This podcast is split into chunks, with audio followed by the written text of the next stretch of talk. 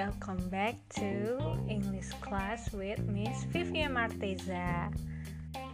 Today we will learn about how to describing someone.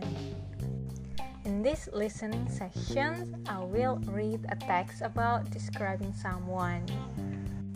So please listen it carefully to understand what the text is talking about. And learn my name is Lucy. Hi, my name is Lucy. My surname is Swift. I am 12 years old and I am Japanese. I am tall and slim.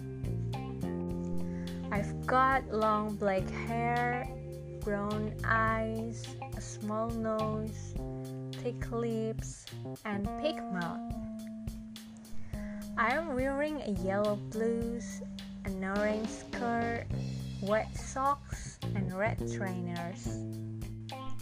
Today I have got beautiful nice bunches with two yellow ribbons in my hair. I am good tempered, polite, and happy. My favorite food is noodles, and my favorite drink is iced tea.